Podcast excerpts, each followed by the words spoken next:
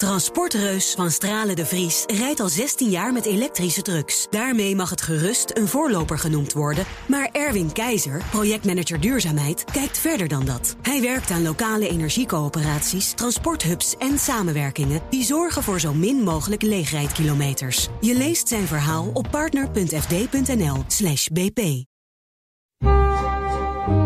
De Perestrooikast.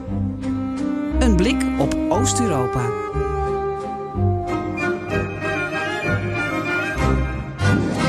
Welkom bij BNR Perestrooi Kort. Aflevering 175 is het van de Perestroikast. Maar we hebben dus een korte versie van de Perestroikast... want we gaan je in 15 à 20 minuutjes even bijpraten over een urgente gebeurtenis... Floris is afwezig en dat geldt ook voor ons onderwerp van gesprek. Want waar is Alexander Lukashenko? De president van Belarus is al bijna een week afwezig. Afhankelijk van wanneer je deze podcast luistert. De argumenten, de feiten en de speculaties die bespreek ik met Franke Hummels, de Belarus-deskundige van de Benelux. Benelux, Benelux, ik raak alle accenten nu kwijt. Franka, je wordt vast weer plat gebeld door Jan en Alleman. Ja, ja, iedereen wil weten uh, wat er met hem aan de hand is. En uh, dan mag ik als Belarus-expert daar mijn licht over laten schijnen. Terwijl ik het natuurlijk ook niet weet. Oh. Uh, want niemand weet het. Cliffhanger, anticlimax. Ja, nee, het is... Nou ja, of niet. Want het betekent, als we het allemaal niet weten... betekent het misschien ook wel dat we het grote nieuws nog gaan horen. Maar het kan ook zijn dat er helemaal geen groot nieuws gaat zijn. Dus dat is spannend. Hij is dus nu al een week niet gezien, hè, sinds, uh, sinds 9 mei, dus bijna een week. En ja, niemand weet gewoon wat er aan de hand is. En ik ook niet. Uh, ik weet alleen uh, wat er gespeculeerd wordt en waarom. Ja, 9 mei was Lukashenko nog in Moskou bij de festiviteiten rondom de dag van de overwinning. Wat is er daarna gebeurd? Daar gaan we het even over hebben. Mijn naam is Geert-Jan Haan, mijn gast mm -hmm. is mhm. Franke Hummels en dit is BNR Perestroikast.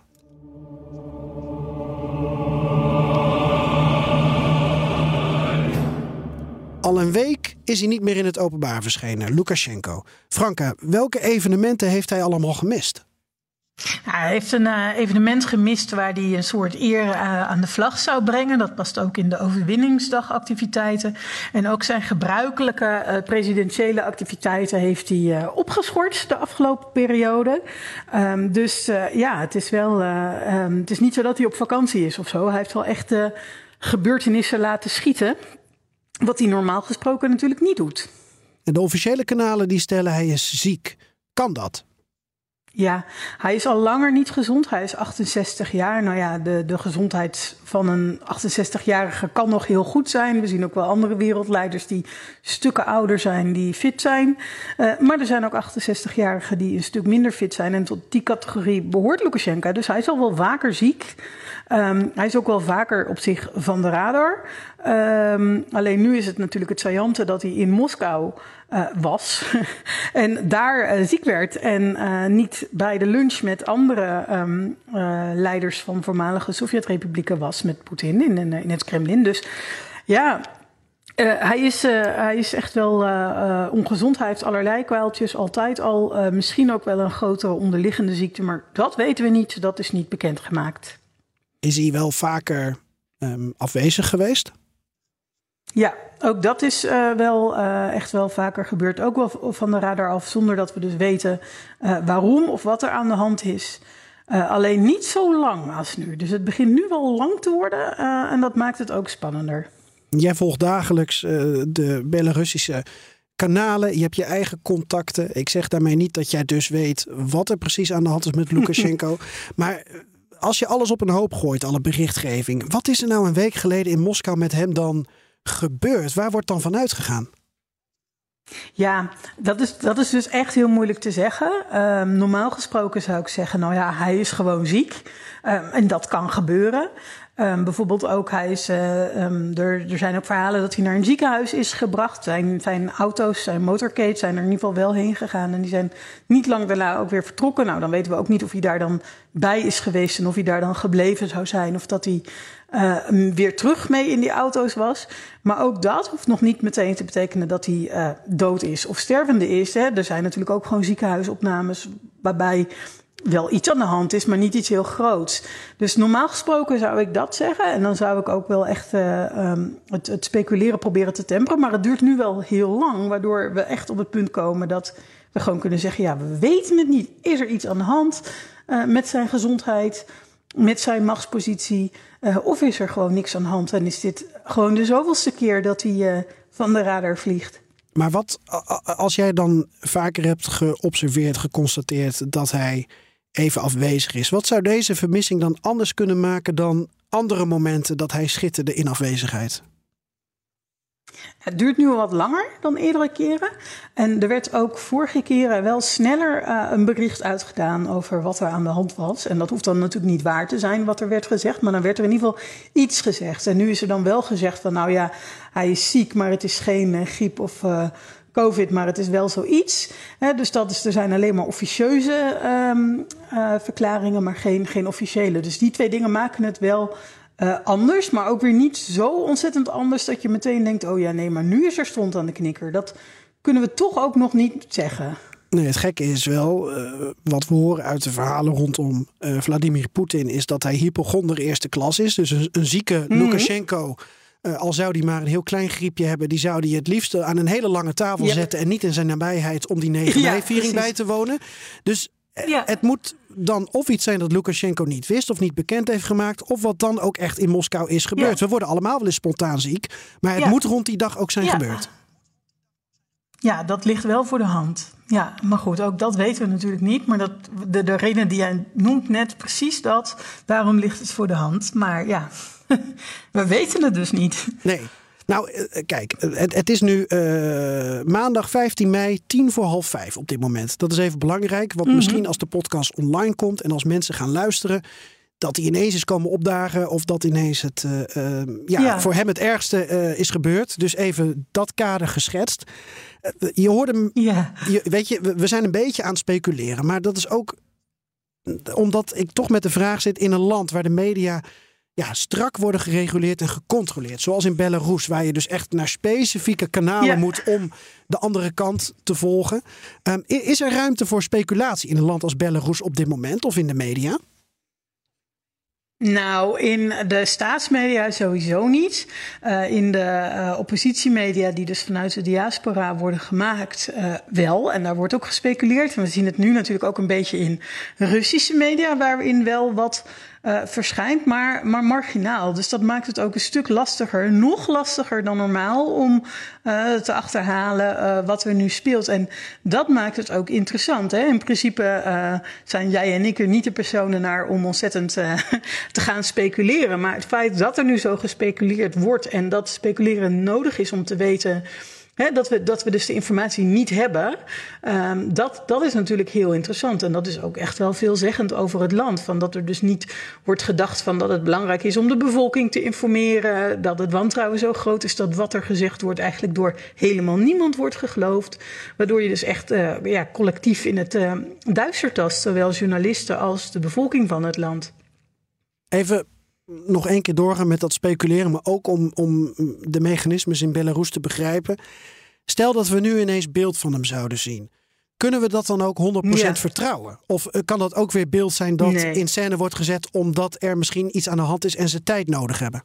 Ja, ja, nee, ook dan weten we niks. Ja, het gaat er natuurlijk om, kijk, als hij op een plek is waar veel publiek is en mensen ook met smartphones filmpjes maken en zo, nou, dan begint het al uh, makkelijker te verifiëren worden. Maar gewoon een filmpje uit het presidentieel paleis bijvoorbeeld, dat zou dan ook al eerder opgenomen kunnen zijn. Nee, dus dat is ook, dat weten we gewoon niet.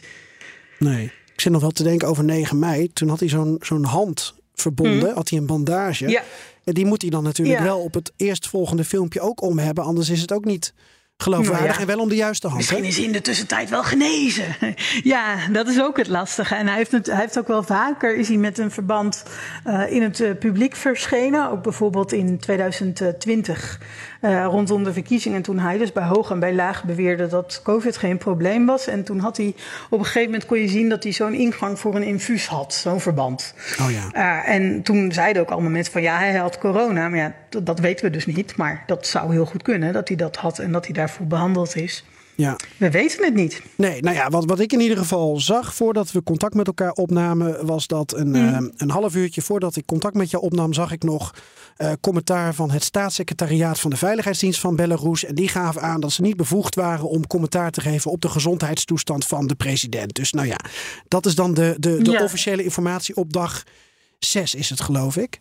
Ehm, Hoe zou jij nu de sfeer in Belarus omschrijven? Het is een beetje een voetbalvraag, maar eh, nou ja, we zijn ook eigenlijk Ja, speculerend bezig. Nee, eh, precies. En, en, en ik ben ook niet daar natuurlijk. En de mensen die ik spreek, die zijn er wel. Maar ehm, die, zijn ook niet natuurlijk helemaal representatief. Het is een beetje dubbel. Enerzijds is het hetzelfde wat ik zei van nou, het is niet de eerste keer. ehm, ehm, dus we moeten het ook niet groter maken dan het is. Maar er zit ook hoop in van dat het dus wel allemaal klopt. Dus dat mensen ook er heel erg mee bezig zijn. Omdat ze gewoon willen dat er eh, narigheid met hem aan de hand is.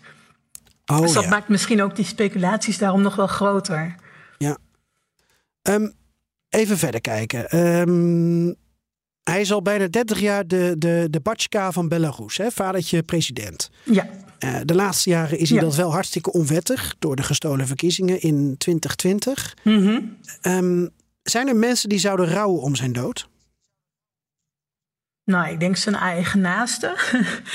en eh, natuurlijk ook wel wat, nog wat eh, ouderen eh, die hem al heel lang steunen. Ehm, daar zullen ook een aantal wel van oprecht verdrietig zijn. Maar over het algemeen is de steun voor hem in het land op dit moment wel nihil.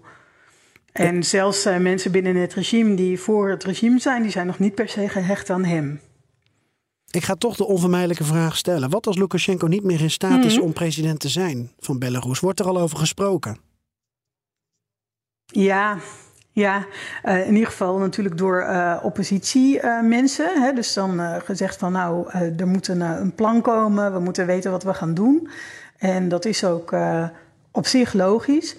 Ehm, de kans dat het dan zou lukken om als oppositie in het vacuüm dat zou kunnen ontstaan te springen, is natuurlijk heel klein, omdat nu de macht in Belarus de facto in Russische handen is. Dus het is heel lastig om daar eh, ehm, terug te komen vanuit het buitenland. Maar ja, daar wordt natuurlijk wel over nagedacht en over ehm, eh, proberen plannen over te maken. En in het land zelf.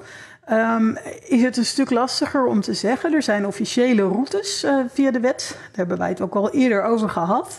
Ehm, en ehm, maar dat, het probleem daarvan is dat de wet natuurlijk, de grondwet, die wordt natuurlijk door helemaal niemand gerespecteerd. Ook niet door mensen binnen het staatsapparaat. Dus eh, ja, dat is dan ook gewoon een machtsstrijd die misschien, misschien wel gewoon door Poetin wordt beslecht. Die dan een mannetje stuurt uit, uit Rusland met het verhaal dat eh, Belarus bedreigd wordt vanuit Oekraïne, Polen en Litouwen. Ehm, het klinkt nou alsof ik iets heel absurd zeg en dat, dat is het ook. Maar ehm, dit verhaal gaat wel echt in Belarus. En dat is ook echt de reden waarom, zogenaamd dan de reden waarom eh, Belarus en Rusland ook militair samenwerken. Eh, maar dat dus dan Poetin een mannetje stuurt om Belarus te beschermen. Ehm, ja, maar goed, het, is dus, eh, het kan ook nog zijn dat het iemand van de Veiligheidsraad of organisatie van Belarus wordt, die dat dan tijdelijk overneemt tot er nieuwe verkiezingen moeten komen. Het kan dan via wat ze zelf noemen de democratische route gaan. Ehm, maar het is echt, echt bijna niet te voorspellen. Nee, de theorie is eh, ehm, volgens de Belarusische grondwet inderdaad de Veiligheidsraad, niet de premier. Dat is geloof ik een, een tijd geleden dus veranderd. Eh, we hebben dit weekend, waar je Mhm. al aan refereerde, met een eh, petit comité aan Belarus geïnteresseerden in een appgroepje Ja. even zitten speculeren op hoe moeten we die grondwet en al die amendementen nou lezen.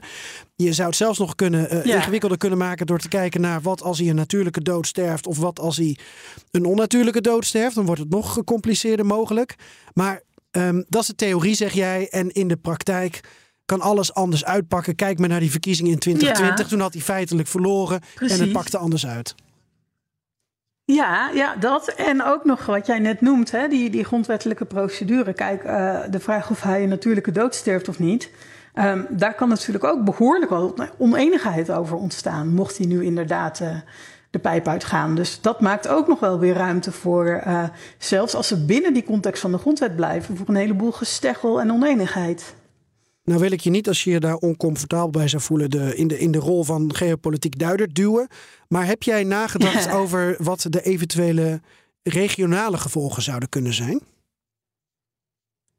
Ja, en dan kom je wel echt in scenario's terecht. Um, er zijn mensen die ik op zich serieus neem en die denken van uh, Belarus is officieel geen partij in de oorlog. Nou, wacht even, dat vind ik zelf ook.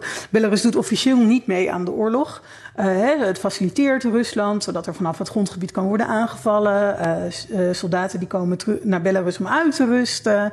Militaire samenwerking is er, maar officieel is er geen mobilisatie. En Belarusische soldaten vechten niet in Oekraïne aan Russische zijde. Um, en er wordt vaak gezegd van ja, uh, en Belarus wil dat niet. Uh, en Poetin wil dat wel. En dan zijn er dus mensen die denken van ja, nou, dit zou dan de weg openleggen voor Poetin om Belarus erbij te betrekken.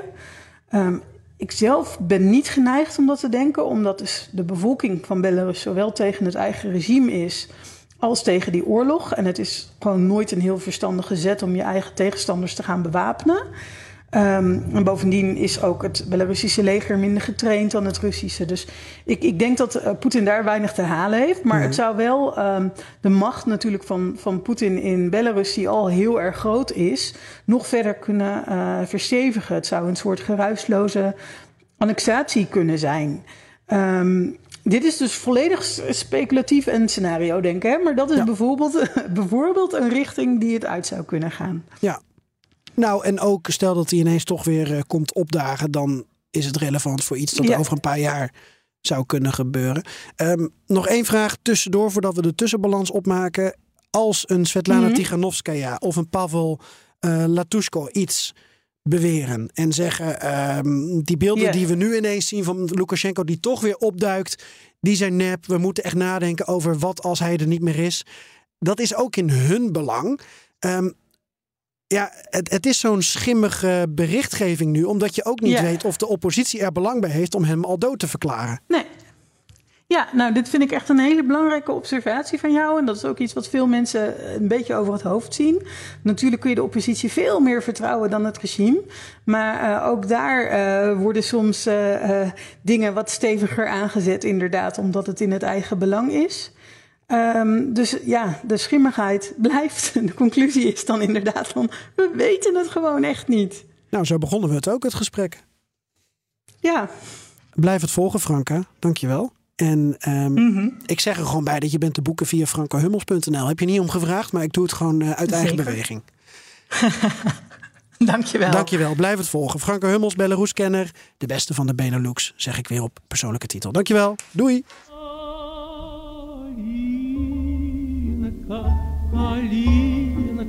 малинка моя, в саду ягода, малинка, малинка моя.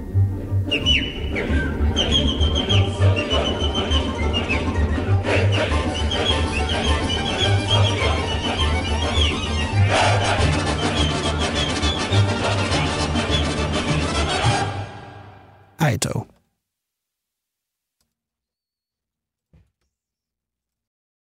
Transportreus van Stralen de Vries rijdt al 16 jaar met elektrische trucks. Daarmee mag het gerust een voorloper genoemd worden. Maar Erwin Keizer, projectmanager duurzaamheid, kijkt verder dan dat. Hij werkt aan lokale energiecoöperaties, transporthubs en samenwerkingen... die zorgen voor zo min mogelijk leegrijdkilometers. Je leest zijn verhaal op partner.fd.nl bp.